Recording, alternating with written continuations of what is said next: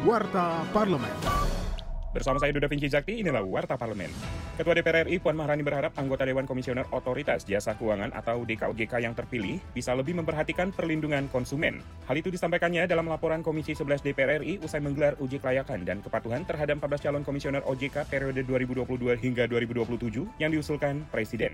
Politisi PD Perjuangan itu mendesak OJK untuk menegakkan aturan agar maksimal dalam menyelenggarakan sistem pengawasan terhadap seluruh kegiatan di sektor jasa keuangan. Selain itu, OJK juga harus dapat meminimalisir penyelewengan di sektor jasa keuangan.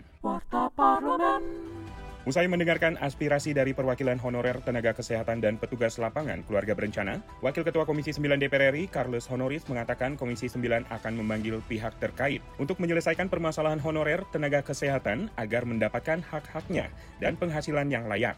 Kami sudah mendengarkan langsung ya masukan dan keluhan dari teman-teman sudah hadir dan tentunya bahan yang sudah kami terima hari ini menjadi bahan perjuangan kita bersama ke depan untuk memanggil pihak-pihak terkait baik itu Kementerian Kesehatan, BKKBN maupun kementerian lain ya termasuk Kemenpan RB dan Kementerian Dalam Negeri. Tentu saja Komisi 9 DPR sudah satu suara ya untuk memperjuangkan agar uh, teman-teman tenaga kesehatan maupun uh, tenaga PLKB bisa mendapatkan hak dan pendapatan yang layak. Informasi lebih lanjut kunjungi laman dpr.go.id.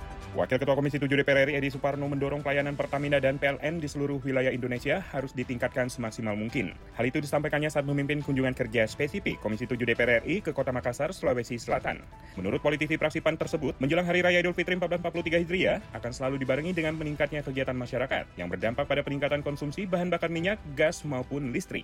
Televisi Radio Parlemen. Demikian Warta Parlemen, Produksi TV dan Radio Parlemen, Biro Pemberitaan Parlemen, Sekjen DPR RI.